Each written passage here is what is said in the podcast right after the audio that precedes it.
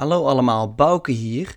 In het item over Karel V van Habsburg hebben we gezien hoe de keizer na een lange en roerige regeerperiode in het jaar 1555 zijn rijk in twee delen splitste en doorgaf aan respectievelijk zijn zoon Philips II, die koning van Spanje en heer van de Nederlanden werd, en zijn broer Ferdinand, aan wie hij min of meer het Heilige Roomse Rijk naliet. In dit item gaan we kijken hoe deze eerste, Philips II, zijn stempel drukte op de Nederlanden en we zoeken een antwoord op de vraag hoe is de Nederlandse opstand tegen het Spaanse Rijk ontstaan en verlopen tot het jaar 1584.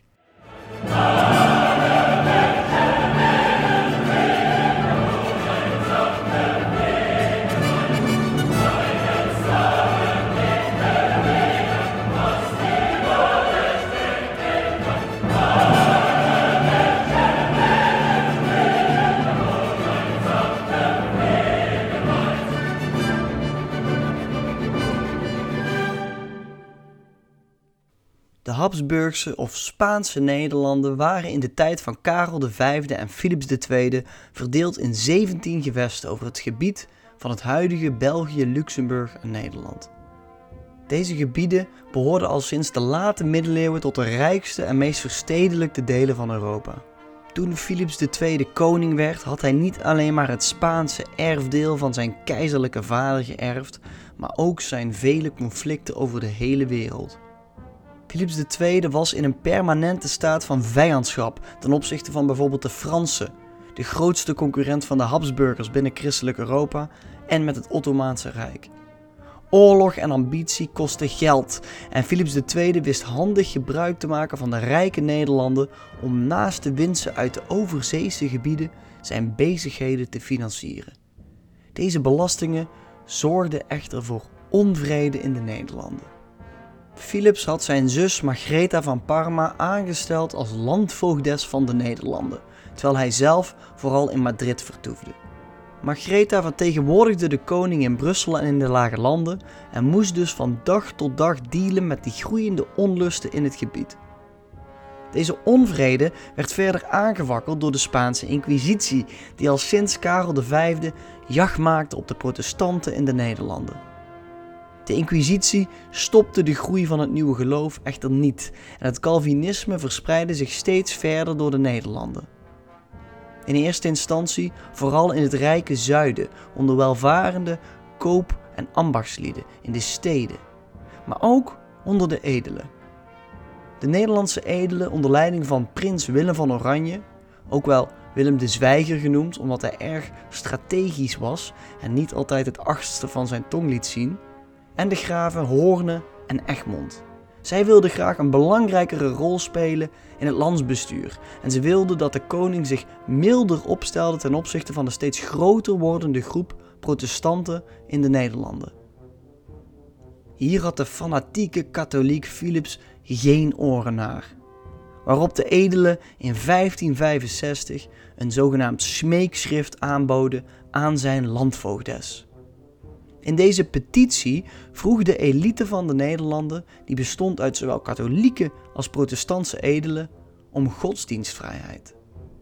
Hierbij heb ik trouwens een fantastisch feitje, want toen die edelen hun smeekschrift aan Margreta van Parma aanboden, fluisterde een Spaanse adviseur in haar oren: Ce ne sont que des.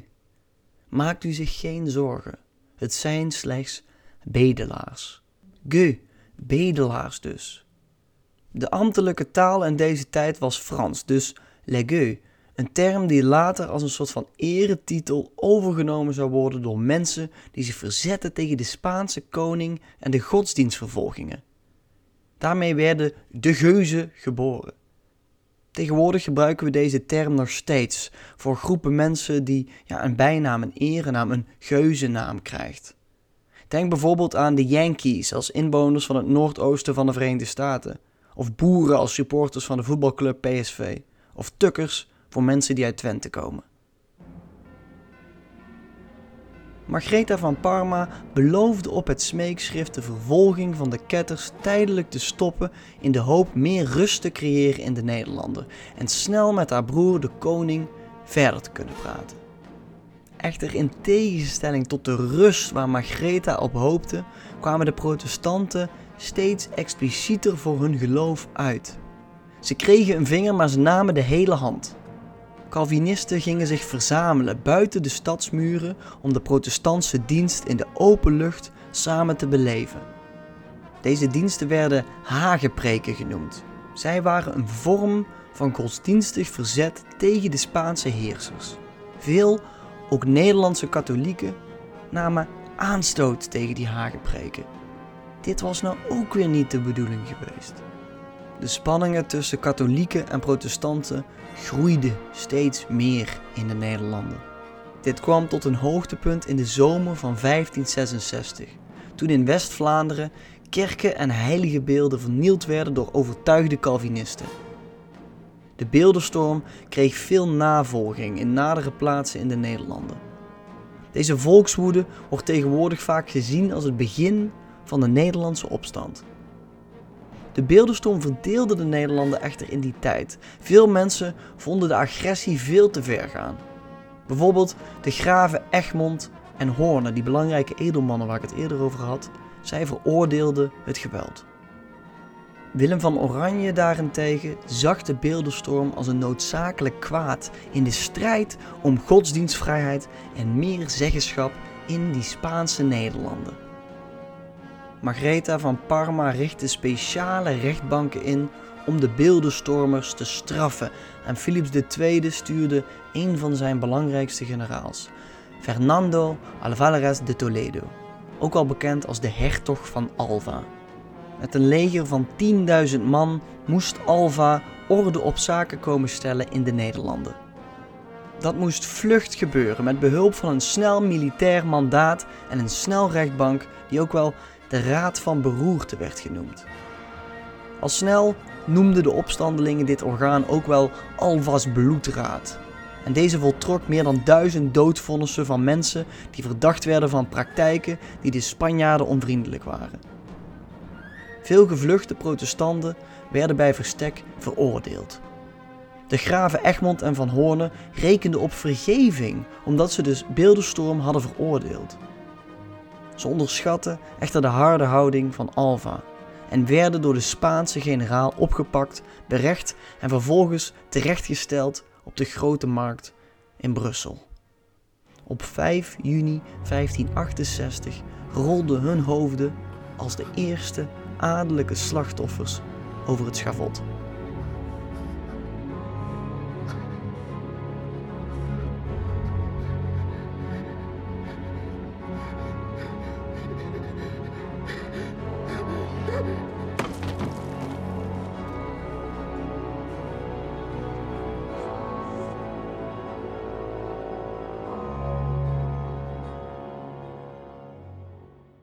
Willem van Oranje had de komst van Alva niet afgewacht en was gevlucht naar zijn Duitse thuishaven, de Dillenburg. De executie van Egmond en Hoorne werd gezien als een oorlogsverklaring ten opzichte van de Nederlandse opstandelingen. Ondertussen voerden Alva en de Nederlanden agressieve belastinghervormingen door, waartegen hevig geprotesteerd werd. Ook daar heb ik een fantastisch feitje bij, want deze nieuwe belasting, de zogenaamde tiende penning van Alva, was een aanslag van 10% op alle producten die verhandeld werden.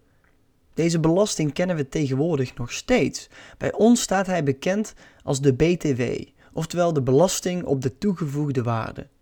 Je betaalt deze belasting op alles dat je koopt, net als de tiende penning van Alva. Maar mensen waren dat niet gewend en waren er erg boos over. Willem van Oranje verpachtte vanuit Duitsland veel van zijn bezittingen om kleine legertjes op de been te brengen tegen de Spanjaarden. Hiermee begon de Nederlandse opstand, dat uiteindelijk een 80-jarige oorlog zou worden.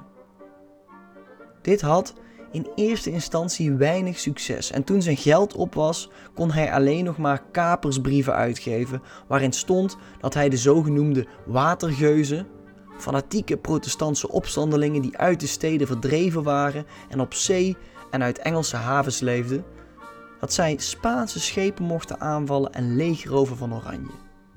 De opstand begon dus als een soort van guerrilla-oorlog, gevoerd op afstand. Lange tijd bleven de Spanjaarden heer en meester in de Nederlanden en leek de opstand gedoemd te mislukken. Maar dan, op 1 april verloor Alva zijn bril. Is een ezelsbruggetje dat vroeger geregeld gebruikt werd om de datum te kunnen onthouden, waarop volgens veel bronnen de Nederlandse opstand de goede kant op ging. Op die datum in 1572 vielen de watergeuzen zonder vooropgezet plan de stad Den Briel aan, omdat ze niet langer voor anker mochten blijven liggen in Engelse havens. De verrassingsaanval was een groot succes en de stad viel zonder al te veel moeite in de handen van de watergeuzen. De overwinning bij Den Briel zou later het symbool worden van het eerste succes van de Nederlandse opstand tegen de Spanjaarden. Later wordt ook de haven van Vlissingen ingenomen en door deze successen sluiten steeds meer Hollandse en Zeeuwse steden zich bij de opstand aan. En zij kiezen Willem van Oranje als hun stadhouder. De stadhouder was een oude term uit de Burgondische tijd die gebruikt werd in de Nederlandse gewesten om de hoogste edelman en plaatsvervanger van de vorst in het gewest aan te duiden. Willem van Oranje dringt er bij alle Nederlandse gewesten en steden op aan om zich aan te sluiten bij de opstand. Veel steden, met vooral een katholieke meerderheid, zoals bijvoorbeeld het grote Amsterdam, bleven echter voorlopig trouw aan de Spaanse koning. Alva en zijn leger kwamen al snel in actie om de opstandige steden weer onder controle van de Spaanse kroon te brengen. Hij veroverde achtereenvolgend Mechelen, Zutphen en Naarden. En in die laatste richt hij een waar bloedbad aan onder de plaatselijke bevolking.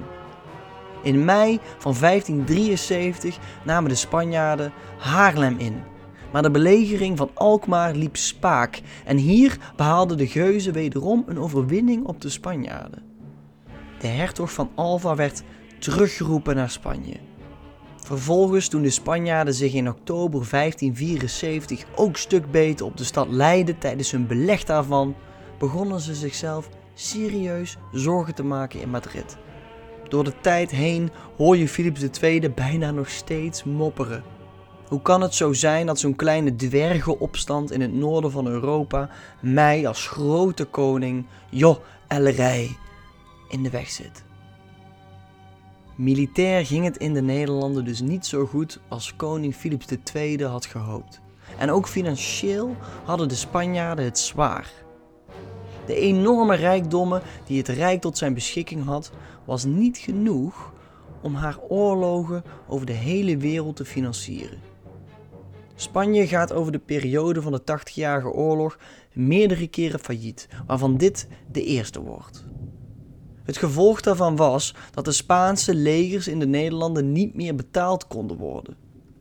De gefrustreerde Spaanse soldaten begonnen zich steeds meer te misdragen, met als hoogtepunt enorme plunderingen en slachtingen in de rijkste stad van de Lage Landen, Antwerpen. Dit zou de geschiedenis ingaan als de Spaanse furie en doet de publieke opinie steeds meer keren tegen de Spanjaarden. Waar de opstand in eerste instantie vooral de affaire is van protestantse fanatiekelingen en opportunisten, krabden na de Spaanse furie ook steeds meer koningsgezinde Nederlanders zich achter de oren.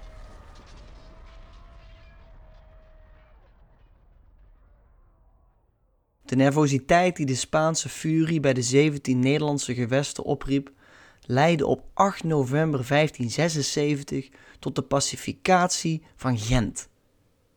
In deze afspraak sloten de opstandige gewesten Holland en Zeeland een defensieve overeenkomst met de niet-opstandige gewesten die verenigd waren in de Staten-Generaal, het overlegorgaan waarin sinds de Bourgondische tijd door de verschillende Nederlandse gewesten werd samengekomen.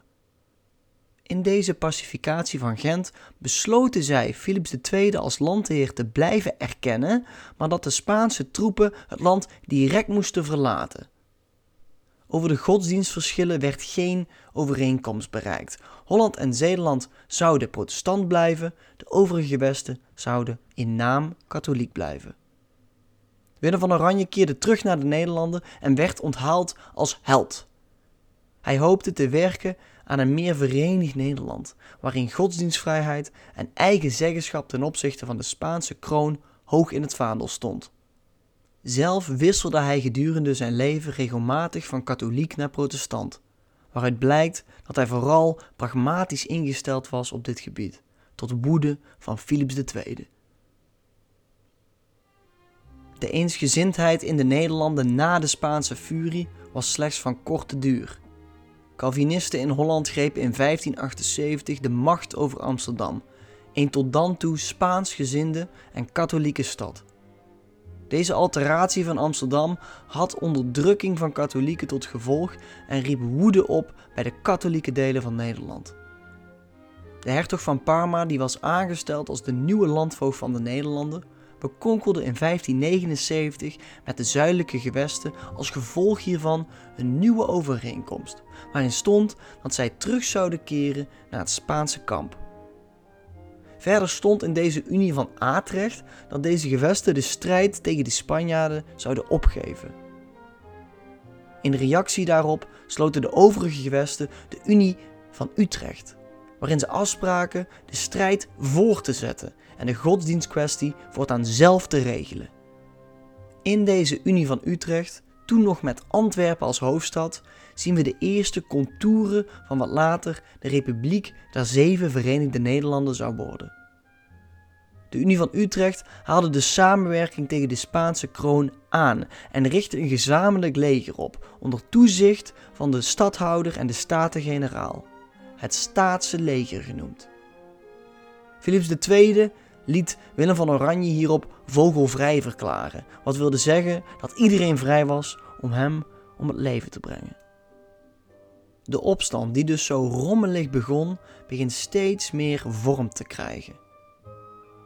De oorlog gaat door en in 1581 stelden de opstandige gewesten in Den Haag het plakkaat van verlatingen op, waarin zij definitief afscheid namen van Philips II als hun landheer.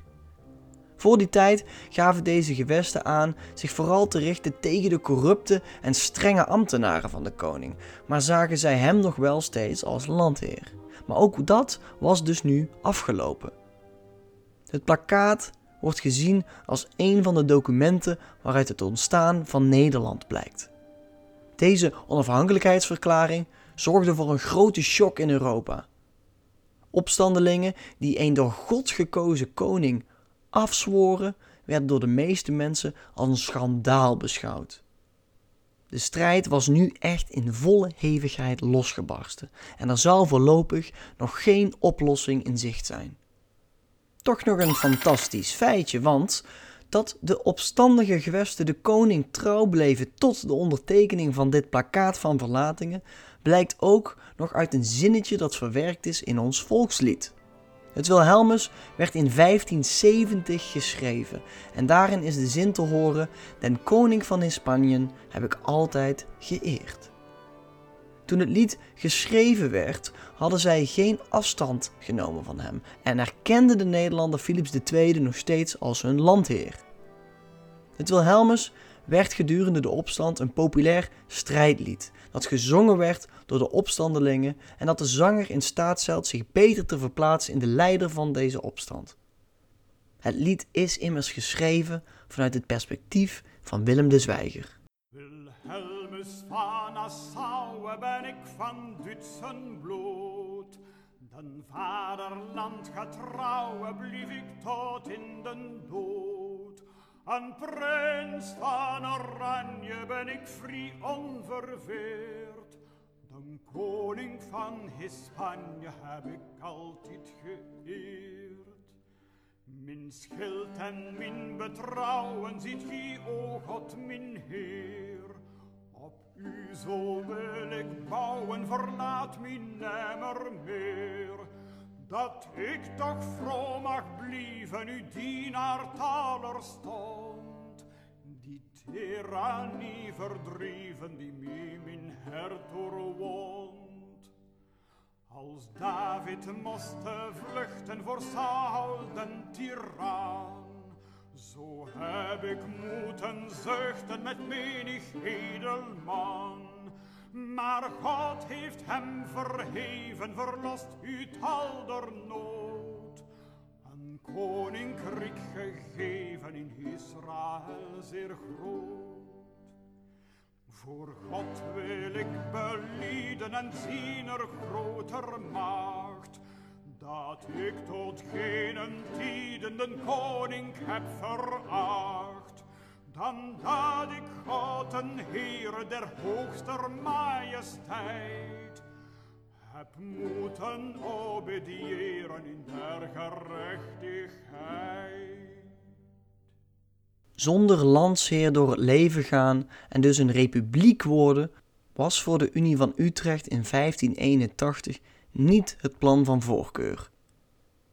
Er werd naarstig gezocht naar een nieuwe edelman onder de Franse en de Engelse adel om deze positie van de Spaanse koning over te nemen. Het bleek echter lastig om een geschikte kandidaat te vinden. Jezelf verbinden aan de Nederlanden was in deze tijd natuurlijk een directe oorlogsverklaring tegen de supermacht van de periode, het Spaanse wereldrijk.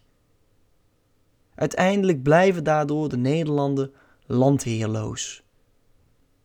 In de tijd die volgt gaat de strijd onherroepelijk door en worden er diverse aanslagen gepleegd op het leven van Willem van Oranje.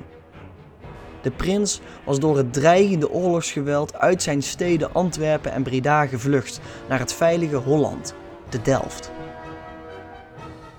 De aanslagen op zijn leven mislukken allemaal, tot op 10 juli 1584 de katholieke Fransman Balthazar Gerards erin slaagt Willem op de trappen van het Prinsenhof in Delft met een pistool van het leven te beroven.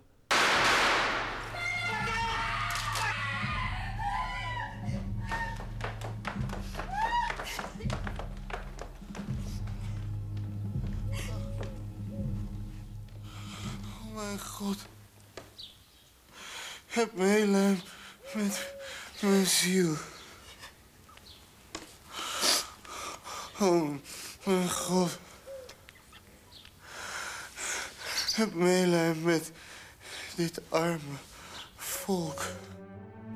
Balthazar Gerards werd na een wilde achtervolging gearresteerd, gemarteld en vervolgens gevierendeeld. Tijdens deze vierendeling werd zijn hart uit zijn lijf verwijderd en in zijn gezicht geduwd. Daarna gaf hij de geest. Hiermee veroverde ook de pleger van deze aanslag definitief zijn plaatsje in onze vaderlandse geschiedenis. De opstand was haar leider verloren. De hertog van Parma had grote delen op de opstandige gewesten heroverd en het oorlogsfront stabiliseerde zich bij de grote rivieren in het zuiden en in het oosten van het land.